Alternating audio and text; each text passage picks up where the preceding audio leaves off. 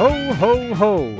Här har ni oss, doktorn och professorn och idag ska vi öppna ytterligare en lucka i Whiskypoddens och Whisky ABCs julwhiskykalender. Närmare bestämt lucka 8, professorn.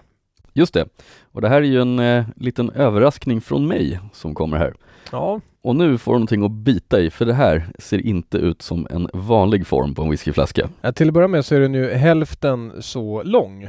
Ehm, så jag undrar vad det egentligen är du har slagit in här. Det är som en halv smällkaramell ser det ut som det som ligger här framför oss. Men vi ska väl öppna och se vad det kan, vad det kan vara för någonting som döljer sig här i paketet då.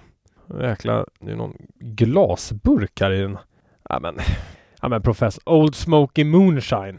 Ja, det tyckte jag var en lämplig whisky eftersom den har en sån anknytning till nummer åtta. Alltså det har den. Ja, det är nämligen så att eh, det finns ingen chans att den här är lagrad mer än åtta sekunder efter destillering. Ja, dina kopplingar blir bättre och bättre. Och i det här fallet tror jag ju tyvärr att det stämmer. Det här kan vara det närmaste du har kommit hittills i gissning. Den är helt genomskinlig alltså. Ja, den här har nog inte sett trä överhuvudtaget. Okej, vi, jag ska inte säga för mycket. Låt oss pröva den först.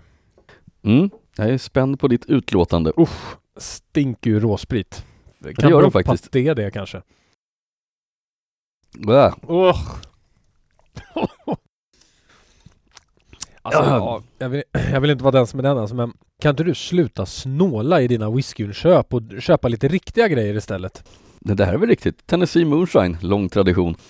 Ja, för, för att det är det som är grejen va? Att man har hållit på med moonshine i USA länge. Ja, det har man ju gjort eh, väldigt länge, precis som i Skottland ska man säga.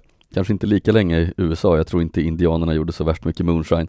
Men eh, ja, vad ska man säga om den här? Den har ju inte så komplexa toner direkt. Äh, den smakar ju närmast aceton. Hembränt faktiskt, rakt av. Riktigt hembränt.